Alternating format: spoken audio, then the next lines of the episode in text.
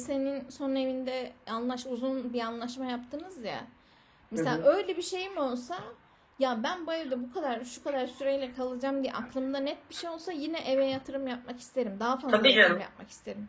Ben baştan bilsem 5 sene burada oturacağımı çok güzel bir kitaplık yaparım atıyorum. Ama e, her evde sürekli bir çıkarılma korkusuyla ulan 3 ay sonra beni burada tutarlar mı korkusuyla yaşayınca hani şuradan şuraya bir şey koyasın da gelmiyor. Yani o gelecek kaygısı bile e, eve yaklaşımını, eve ne kadar yatırım yapacağını etkiliyor. Pek çok insan mesela bu ara şey de var. E, zaten yurt dışına çıkmak istiyorum. Şu an eve bir şey almayayım. Hani. Ama Ya onları çıkartırsak yani bu gelecek kaygısıyla ilgili konuları çıkartırsak bence ev çok önemli ya. Yani özellikle evde sık beni, benim gibi evde çok zaman geçiren bir insansan benliğinin bir parçası haline geliyor. Yok katılıyorum. Yani bir de şey var. Ee, mesela bak bence ilginç olan kısım Türkçe'de de İspanyolca'da da evlilik ile e, ev benzer kökenden geliyor tamam mı? Yani e, işte casado evlenmiş, kasar evlenmek, kasada ev demek tamam mı? Yani hani e, bize de aynı şekilde var ama mesela İngilizce'de işte e, marriage galiba yani adı maritus yani böyle aslında erkeğe ait, kocaya verme gibi aslında daha böyle patriarkal bir anlamı var. Şimdi birazcık aslında şey çok ilginç. Evlilikle yani bir yerin aslında e, o aile kurumunun ya da o birlikteliğin mekanla sabitleşmesi olayı. Şimdi ben aslında 5 senelik sözleşme imzaladım bu evle. Kendimle işte 5 sene evlenmiş gibi oluyorum. Önümdeki 5 seneyi nasıl ne olacağını biliyorum. E, çoğu evlilik kurumu da aslında böyle çalışıyor. Beraber şimdi eve insan- çıkıyorsun. beraber eve çıkıyorsun, bir, bir imza atıyorsun. O imza biz birlikteyiz imzası. Hani senesi belki yok ama e, aslında bir nevi olmalı bence evlilik gibi. 5 senede bir yenilenecek kontratlar şeklinde. Ama orada imza olduğu için e, o evi 5 senelik de olsa, 35 senelik de olsa bir yatırım yapıyorsun. O eve, o evliliğe, o insana. Tamam? O yüzden mesela bir insanla takılırken, flört ederken yatırım yapmaktan kaçınmanın sebebi yani bilmiyorsun ki senin ev sahibi gibi yarın belki seni yani direkt şey ya sen istemeyeceksin o istemeyecek boşu boşuna şimdi duvara çivi çakacağım sonra bana neden çivi çaktın diye laf sokacak. İlişkilerde de oluyor ya üçün beşin hesabına gireceksin. En azından evlilik içerisinde olunca üçün beşin hesabı da evliliğe dair oluyor. Dolayısıyla kimse ondan dolayı gıcık moduna düşmüyor. O yüzden şey var yani bence e, kelimelerin bir şekilde bizim algımızı değiştirdiğini, etkilediğini düşünüyorum. Yani şimdi sen evlilikle ev kelimesini bilimsel olarak aynı şeyde kullandığın zaman ister istemez bir böyle eve çok önemli bir anlam yüklüyorsun. Bir sözleşme anlamı.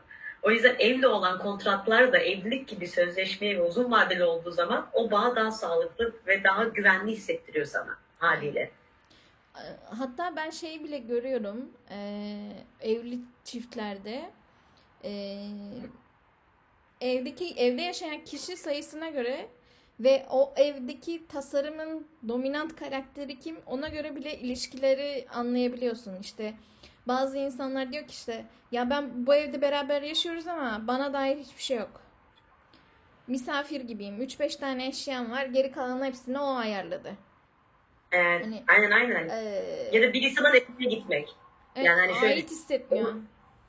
O evin evine yerleşiyorsun. Evet, sonradan gelen kişiysen işte diyelim ki beraber arkadaşınla eve çıktınız ama sen sonradan geldin. Kontrat onun üzerine. O bile böyle evde kimin neyi nasıl dekore edeceğini belirliyor. Hatırlıyorum eee, ben bayağıdır zaten tek yaşıyorum ama şu an evim ev, ev arkadaşım olacak olsa biri çok rahatsız olurum. Yani o benim banyodaki sabunumun bir raftan diğer rafa konacak olması bile beni irrite eder. Çünkü şey gibi yani benim o dokunma ona. Tabii canım bir de şey var yani şimdi ben uzunca yıllar boyunca çok böyle odada kaldığım için e, şey ondan sonra kendi ev ortamına geçip kendi eşyanı kendime aldığım zaman tabii hiçbir şekilde toplumun bir yardımı olmadı evlilik yardımı. Altın takan Şeyde- olmadı. 80'li 80'li de vardı galiba şu kadın vardı ya böyle e, neydi sarışın olan belki hatırlamazsın. Neyse Evet, şey işte. Ee, Ee, o kadın şey düşünüyor ya herkes evlilik yapıyor, kutlama yapıyor işte yok çeyrek altın bilmem ne altın neyse hediyeler. Yani illa birisi gerekiyor mu ben kendimle evlenmek istiyorum deyip işte davetiye bastırıp kendini evlendim davetiyesi insanlardan hediye istiyordu tamam mı? Ee, Samantha, Samantha ismi kızın. Şimdi bazen ben de şey diyesim görüyorum. Milleti atacağım akrabalara, amcama, teyzeme, işte arkadaşlarıma. Ee, kendimle evleniyorum. Hani nasıl evli çiftlere şey yardımı gerekiyor ya ne bileyim işte küçük böyle yardım ya da işte annesi ona e, mutfak takımını aldı falan filan. Evet ya Ama ben bizim de- istiyorum. Yani bekar insanların da senin en azından hayatta bir kez e, evlilik hani olur ya imdat çağrısını yapabilmesi lazım yani. Şimdi- Bana yardım edin. Evet yani çünkü ne ki insanlar neden evleniyor? Yani çoğu zaman küçük bir matem onun matematiği var. Yani işte diyelim ben 2 lira yatırım yapıyorum düğüne ve yemeğe. Bana 5 lira geliyor. O 3 lirayla da evin masraflarını yapıyorum değil mi? E abi tamam yani ben sizden 2 lira yatırım da istemiyorum. Yani şey yapmayın direkt bana 3 liraya verin. Anlatabiliyor muyum? Yok Sen tabii ki yapmıyorlar. Sen yine evlenenlere çok yatırım yapmadın. Ben bir de o kadar altın maltın gitti yani. yani Tamam. ben full zarardayım. Benim annem babam yaptı. Onlar zaten o yüzden bence evlenmemi istiyorlar. Kızım bu kadar. Akrabaların düğünlerine gittik. Yani şu da olur. Hani Türkiye'de bir düğün yapmasam bile düğün yapacağını söyleyeyim de bari 3-5 para gelsin. ya aslında mantıklı da değmez sanırım. Yani şimdi oturup hesaplamak lazım. 40 kişiden 10 çeyrek gelse, bilmem ne gelse e, değer mi yani? Ama şey tabii, bence oradaki olay tabii evlilikte insanların evine yardım etmekten ziyade şey gibi oluyor. Yani e, çok daha kültürel anlamda bir etkinlik haline geliyor. Yani Neyse olay. o, o apayrı bir olay. Ona çok girmeyelim. Ama mesela aklıma şey geliyor şu an sen de deyince eve temizlikçi gelmesi husus. Bak bu da çok ilginç. Eve yabancı bir insanın gelip çünkü temizlik ve evin düzeni genelde uzunca yıllar boyunca Türkiye gibi topraklarda da kadının karakteri ve statüsü olarak algılanmıştır. Yani hani hala öyledir. Yani bir ev dağınıksa kocası değil de karıya bu muhabbet döner. Ee, ya da işte e, evin eşyasını sanki kadının tercihleriyle yapılmış olduğu için ona o evi yanlış yapar. Evin temizliği de buna dair. Uzunca bir süre insanlar bence evin tasarımını, temizliğini, eşyalarını e, outsource yapmak istememişti kadınlar. Yani temizliği ben yapıyorum, dizaynını ben yaptım, eşyalarını ben aldım, hatta ben diktim. Anladın mı? Şimdi mesela yavaş yavaş kadınlarda şey oluyor. Evimi A'ya tasarlattım. Benim umurumda değil. İşte ev temizliğini haftada iki tanesi kadın geliyor. Sonra efendim bu evdeki eşyaların hiçbirini ben tasarlamadım. Hepsini özel olarak satın alabildim. Yani aslında benim param yetiyor. O parayla yani ben bir kadın olarak o parayı kullanıp başkasına bunu delege ediyorum, veriyorum. Ben ne yapıyorum? Çünkü benim artık statüm başka bir yerden e, desteklenebiliyor falan gibi. Ama yine de evdeki işleri kadın şey yapıyor. Mesela ben şimdi şey olarak algılıyorum. Mesela temizlikçi olayının eve girmesi. Ben zaten evin tasarımına birisine para verecek halde değil. Asla. Özel bir dizayn mesela şimdi bazen şey oluyor. Burada ne bileyim ressam arkadaşlarım var. İşte onlar e, resim yap- yapıyorlar. Resmi satacaklar özel değil. Resimlerin tanesi 500 Euro'dan başlıyor tamam mı? E şimdi ben onun resmine 500 euro vereceğime sokakta mesela iki tane evde asılı tablom var tamam mı? Bir tanesini sokakta buldum hakikaten. Burada perşembe günleri sokaklara eşya atılır. Sen de oradan gider istediğini seçersin. Sokakta böyle gidiyorum. Bir tane çok güzel tablo buldum. Ee, bir de yağlı boya falan mı? Hani böyle şey yani print edilmiş, çıktı salınmış da değil. Sadece kenarından böyle birazcık şey girmiş. Böyle bir şey girmiş çıkmış. Çok hafif böyle bir delik var ama belli olmuyor. Ay dedim o delik olması daha da güzel. Postmodern anladın mı yani? Direkt eve getirdim ve çok güzel bedava tamam mı? Yani şimdi onu belki ben sa- satın almak istesem 200-300 lira vereceğim bir şey. Ya da işte buradaki ikinci el sitesinden 5-10 euroya alıyorum. Benim o ev duvardaki boşluk doldurma olayı o da ayrı bir şey bitti. Ama mesela özel tasarım birisinden bir eşya almak çok büyük masraf ya. Anlatabiliyor muyum? Ya da işte bilmem ne yazarın, ünlü ressamın tablosu varmış. Paha biçilemiyor bile. Yani bedava. Yani sen onu düşünme. Zaten o tablonun asıllığı duvar ağırlığı ev kadar. Anlıyor musun? Yani maddi değeri falan. Yani bunlar başka dünyalar yani açıkçası. Yani tabloya mabloya gir, giremem zaten de şey yani benim maksimum yaptırabileceğim şey odur. Olur da o da yani şu şu gidişatla imkansız da olur da bir gün evim olur ve atıyorum bir ev almışım ama içi çok şey. İçi çok kötü durumda. Yıkık, virane anca param ona yetmiş.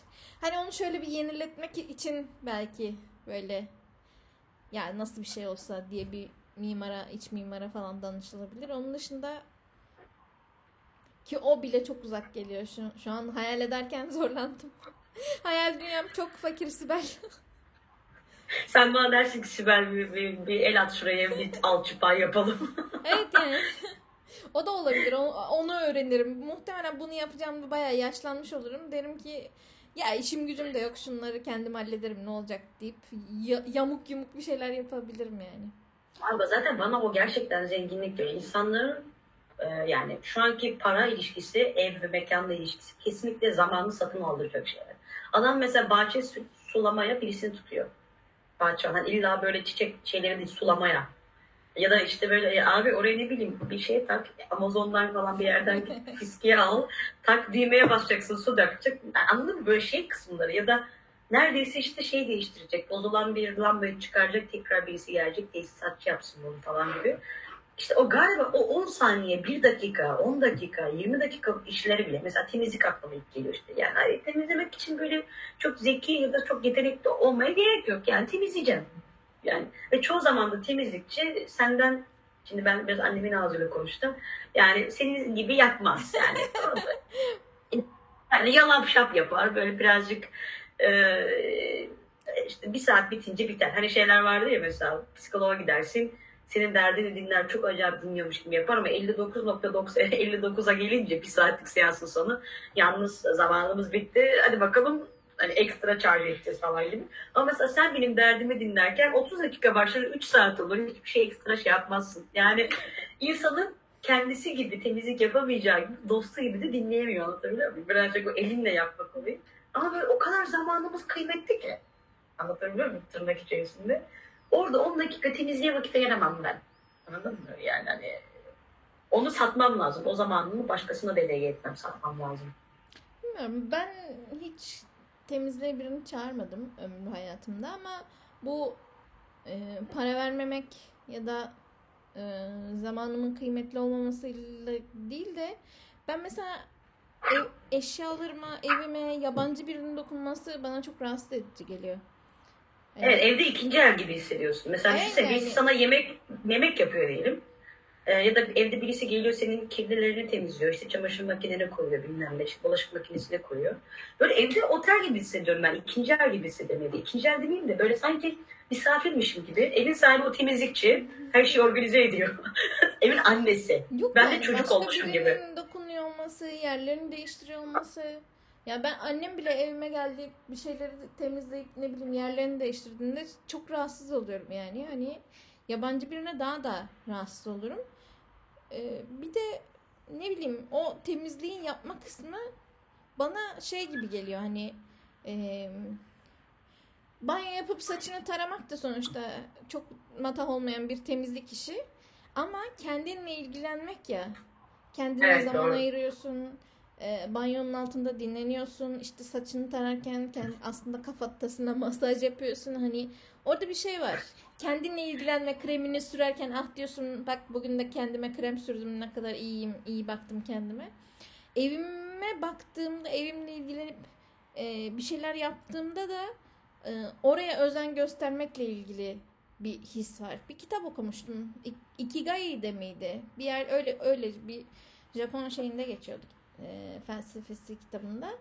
E, şey diyorlardı. Bu tapınakları her gün te- süpürürüz. Her gün sileriz. Her gün o yerler, zeminler silinir. Her gün bahçe süpürülür her sabah. Ve bunu pis olduğu için yapmayız diyordu.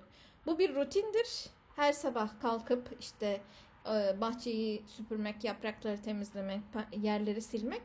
E, bu bizim hani mental ve psikolojik olarak hem de fiziksel olarak fiziksel olarak da bir hareket ediyorsun orada. E, bir hem yaşadığın yerle bir bağ kurmana yarıyor. Maddi manevi bir bağ kurmana hem de kendi e, ruh sağlığına da bence iyi geldiğini düşünüyorum bu tarz aktivitelerin. E şey var ya mesela annemizin babamızın en çok önerdiği şey atıyorum işte sabah uyandığın zaman perdeleri aç, pencereleri aç, hava girsin, yatağı topla, işte ne bileyim e, böyle bir rutin haline getirmek. Çünkü galiba insan belirsizliği yani klasik olarak belirsizliği zaten sevmiyoruz. Ama yaşadığımız çağda dışarıda o kadar çok belirsizlik var ki. Yani hani şimdi tamam belki şeydeki gibi belirsizlik değil. E, doğaya gittim mi orada karşıma ayı çıkacak belirsizliği değil ama yani birçok şey belirsiz. O, ama ve o belirsizlik aslında sistematik sistematik hale gelmiş. Yani bir şekilde dışarıda çıktığı zaman kim, yani komşuyu tanımıyorsun, kim gelecek önüne, tanımadığım bir doğru aslında şeydeyiz yani. Mesela ben şimdi aşağı iniyorum. E, yüzlerce insan geçiyor etrafından. Çoğunu tanımıyorum. Onların bana ne yapacağını tanımıyorum. Çok alışık, garip bir şey bu. O yüzden ev aslında geçmişine daha fazla belirlilik anlamı ifade ediyor bizim için. Daha her şeyin belirli olmasını istiyorsun. Şimdi eve geldiğin zaman evdeki gibi belirsizlik olması bizi daha çok hassas hale getiriyor. İşte mesela geldin orada lamba buradaydı da buraya geldi. Korkarsın yani anladın mı? Ya da canı sıkılır. Çünkü şeyden dolayı canım sıkılır. Abi dışarıda zaten her şey her şekilde oynuyor. Hele bir de büyük şehirde yaşıyorsak. Ha belki şeyde olsa sen küçük bir şehirde yaşasak ve e, evin dışındaki hayatımız çok belirli olsa belki mekanla ilişkimiz biraz daha esnek olabilir. Ben hatırlıyorum ço- şeyken e, çocukken yaylada da akrabalarımızı gezdiğimizde falan evlerin kapıları açık olurdu gündüz. Aynen. Sadece akşam böyle akşam kapatılırdı. Gündüz de en fazla şeyden kapatılır. Ya bö- böcek falan girmesin ne bileyim işte akrep girmesin o tarz şeyler için en fazla kapatılır ama e, sen o kapıyı açık bırakıp etrafta do- bahçede dolanabilirsin yani ya da kim geldi kim gitti çok takılmazsın çünkü eve giren çıkan da çok oluyor. Aynı evin içinde 5-10 kişi yaşıyor yani hani kim geldi kim gitti. E, zaten hayatının gününün büyük bir kısmı bahçede dışarıda falan geçiyor. E, Tabii, tabii o tip yerlerde mekan bir korunma alanı oluyor sadece. Bir kimlik olmuyor. Yani bir korunma Uyudun. alanı. uyuduğun yemek yediğin temiz olması gereken bir yer sadece. Mesela şey düşün işte senin bahsettiğin örnek mesela kediyi düşünelim tamam mı? Şehir içerisinde yaşayan bir kedi ile o bahsettiğin yerlerde yaşayan kedi arasında ne fark vardır? Şu vardır. Birinde ay kumunun yeri değişti o yüzden depresyona girdi olur. Evde yaşayan şehirde. İşte kumunun yerini değiştirdiği için kabız oldu sıçmıyor falan artık. E, ama mesela yaylada yaşayan bir kedinin zaten kumu yoktur. Tamam mı? ya? Kapısını açar istediği yere istediği şekilde boşaltım ve doldurma işlemlerini yapabilir. Şimdi aslında o kedinin mekandaki değişikliklere olan hassasiyeti daha şeydir. Hani daha geniş e, yani daha rahattır yani. Mekanı daha çok çünkü dışarısı da onun Me- mekanı. me- mekanı daha çok. Ve o küçük mekanda kendisini çok sıkıştırmamış olan ve bir şehirde yaşadığımız zaman işte o kumunu yeri değiştiği zaman rahatsız olan kedi gibi aman efendim birisi geldi çünkü hoş geldin e, Pamuk. Ee, şey e, Tam da senden yani konuşuyorduk. Pamuk kendi kum... Evet ya başkası gelip onun kumunun yerini değiştirdiği zaman gıcık oluyorsun tamam mı? Yani işte o e, düzenin yani illa kum metafor olarak olmak zorunda da değil. Şey de olabilir yani hani e, senin hayatındaki bir düzeni değiştirmesi de olabilir. Yani önceden çok daha esnek olan şey şimdi daha çok şey yapıyor. Bir de aklıma şey geldi. E, saç tarama deyince sen mesela küçükken banyo yapardık ve saçımızı annemiz tarardı ya da işte bazı kıyafetlerimizi o hazırlardı. Hani aslında kendimizin yapması gereken şeyleri güvendiğimiz başka insanların yapıyor olmasıyla hem şımarırdık hem de aslında böyle bir tür şey hissederdik kendimizi. Yani güvende hissederdik diyelim. Şimdi galiba farkında olmadan e, bunu dışarıda satın alma yoluna gidiyoruz. İşte yüz maskesi için bir yere gidiyorsun. Saçını yaptırmaya kuaföre gidiyorsun. İşte evi temizletiyorsun başkasından. Aslında farkında olmadan bu anaç görevleri, babaç görevleri, güven ve bizi şımartma görevlerini satın almaya başlayıp e, bir tür kendimizdeki o şeyi hani belki o sevgi, güvenliği o ihtiyacını aslında dışarı şey yapmış oluyoruz. Sat, yani dışarıdan satın almış oluyoruz gibi geliyor. Çünkü mesela şey gibi geliyor. Abi evini sen temizlemediğin zaman, saçını sen taramadığın zaman, hatta saçını sen kesmediğin, boyamadığın zaman tamam mı? E, aslında biz bu kendimize ayırdığımız zamanı dışarı ayıp kendimizi robotlaştırmış oluyoruz. E ben ne yapacağım abi? Ne yapacağım? Sadece para e, ve zaman içerisinde sistemde bir şey üreten hale mi geleyim? Yani bunun dışındaki e, para etmeyen zaman ya da işte bir şekilde işime katkıda bulunmayan her zaman boş ve anlamsız olsun ve bunu ben tatılmalıyım. Ben neyim ya robot muyum o zaman? ChatGPT aklıma geliyor. Ne farkım var benim ondan? Ya şey sana da öyle gelmiyor mu? Ya bunları yapmamızın sebeplerinden bir tanesi aslında e, o önceden annemizden, babamızdan, çevremizden aldığımız güven ve şımartılma duygusunu ve kendimizi iyi hissetme duygusunu kendimizde yapmamız. Yani kendimizde, kendimiz olmamız. Kimlik inşa etmemizde olabilir mi? Yani o açıdan bir şey diyemiyorum ama e, bana sadece her şeyi outsource etmek e, çok mantıklı gelmiyor. O zaman hayatta sen ne yapacaksın yani hani hakikaten her şeyi outsource ettiğinde boş boş etrafı izlediğinde bu sefer de boşluğa düştüm aman depresyona girdim aman hayatın anlamı kalmadı falan oluyor. Hayat aslında Daha, da, daha çok çalışayım, daha çok tüketeyim. Evet yani iki Oluyor. döngü o döngüye giriyorsun. Daha çok e, çalışayım, çalışayım, çalışayım. Kalan zamanda da harcayayım, harcayayım, e, tüketeyim. Ona dönüyorsun. Ama zaten bu gündelik e, mücadeleler yaşamak yani. Sana mücadelelerin hepsini outsource ettiğinde bu sefer de diyorsun ki hayat boş, hayat anlamsız. Ne yapıyorum ben?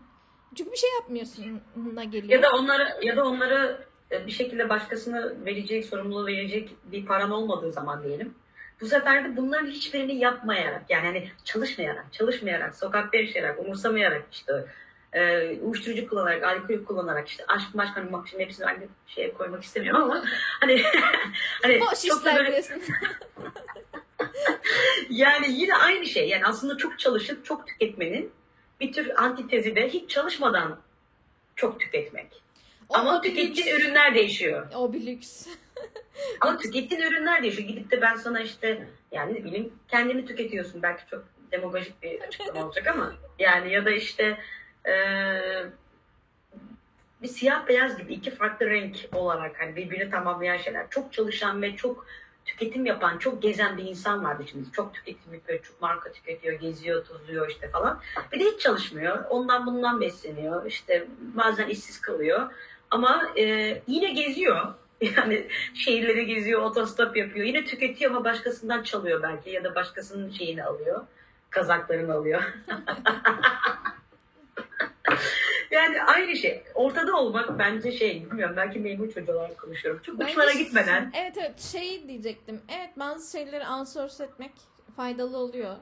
Ee, ne bileyim sana katma değeri olmayan ya da sana e, bir şekilde maddi manevi iyi bir şey katmayan e, iş ve işlemleri outsource etmek e, ve onu daha kıymetli değerlendireceksen atıyorum şöyle diyeyim. Pamuk çok güzel görünüyor. ya ay ben fotoğrafını çekecektim kaçırdım. Pamuk bir daha bana döner misin? Pamuk, Tamam. Pamuk hadi dön. Süper bir fotoğraftı biraz önce. Çok güzel bakıyordun. Bana bak.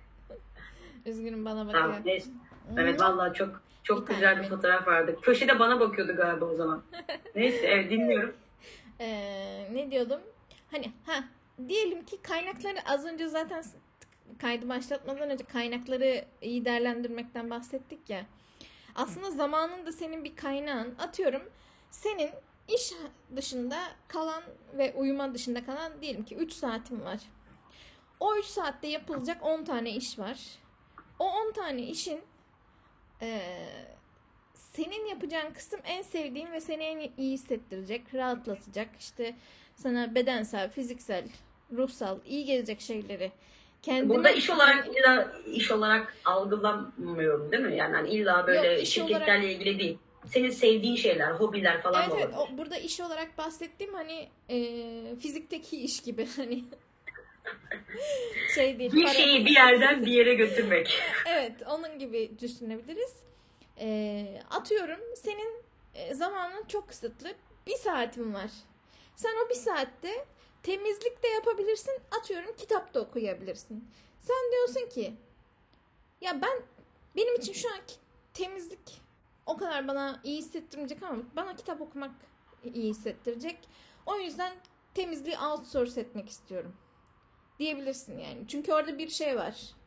Ee, bir kıyasla bir karar veriyorsun. Ee, ya da işte atıyorum ee, başka bir şey olsun. İşte çamaşırları yıkayacaksın. Çamaşırları çamaşır makinesinde yıkayabilirsin, elde yıkayabilirsin. Ama elde yıkarken o kadar çok sana zorluk çektiriyor ki e, çamaşırları yıkamak. Makineye outsource ediyorsun. Kendin başka işte kahveni içiyorsun. Yani böyle dengeli kararlar olduğunda ve sen kendine daha güzel vakit ayırıyorsan bence outsource hepsi okey. Ee, her şeyi outsource ettirebilirsin. Ama şu saçma geliyor. Her şeyi outsource edip boş kalıp bu seferden boşluktan şikayet ediyor olma ee, şey geliyor. Atıyorum bakkala gitmek için arabaya binip sonra koşu bandında e, koşmaya çalışmak gibi. şey, Hani şey gibi aslında biraz zenginlerin boşluğa düşme, düşme onların varoluşluk, varoluş e, acıları, varoluş problemleri gibi oluyor. Evet yani hani e, bir insana hadi markete gidelim dediğinde öf kim gidecek falan deyip sonra onu koşu bandında boşluğa doğru koşarken görünce diyorsun ki yani e, şurada 15 dakika bir markete gidip gelseydik hani hayatın bir parçası olarak ama e, şey böyle şeyler mantıksız geliyor. Evet. Ben de şimdi şeye bakıyordum. Outsource'un Türkçesine baktım da dışarı yaptırmak. Dış kaynak, fason çalışmak. Hani şimdi hani outsource etmek, dışarı yaptırmak, adam Başkasına kullanmak. başkasına yaptırmak diyelim hani. Türkiye- çok uzak uzan oluyor. Bilmiyorum bize şey Dolan Hiç başka yani. oluyor biraz. Direkt şey yok. tam olarak anlamı o değilmiş gibi geliyor. Başka değil mi? bir Yani emek iş gücü kaynağını o iş için kullanmak. Evet. Adam kullanmak. Ad- Adam olmak zorunda değil yani. Sonuçta sen e, outsource ettiğin şey, bir çamaşır makinesi de olabilir. Bir e, Evet. bulaşık makinesi de olabilir. Mesela ben ömrümde ilk kez biliyorsun bu sene bulaşık makinesine terfi ettim. E, yeni evimde. Gerçekten bir sınıf atlamadır. E, ve kendim almadım tabii ki de. E, taşındığım evde bulaşık makinesi kendiliğinden vardı. E, ve bunu yaşadım. Güzel çünkü şey bir tık kendime daha fazla işte vakit ayırabildim. Ama e, yarın bir gün başka bir eve çıktığımda şunu gönderme. Bildirim geliyor. tamam okey. Tamam kapattım. Sonuncusu da gelecek. Şu an Sibel Pamuk'la ikimizin fotoğrafını çekiyor. Çok güzel görünüyor şu an. Evet ya. Evet dinliyorum pardon atmayacağım şu an ben de veriyorum. screenshot alayım. çok güzel. Pamuk çok güzel görünüyor. Maşallah. Boş verin ya şeyi. Aa, pamuk bebişim. Tamam şeyden şeyden bahsediyordun. Ne diyorduk? Ee, bulaşık Ha makinesi. şey, e, ha bir dahaki evimde alır mıyım? Çok kritik gelmiyor bana çünkü ben bulaşık yıkamayı şeyden seviyorum. E, sinirli olduğumda falan beni sakinleştiriyor. Ne bileyim o suyla oynamak e, beni biraz dinlendiriyor. Ama çamaşır çamaşır için öyle hissetmiyorum. ya da mesela ne bileyim ütü. Ütüyü yapmamayı tercih ederim. gibi.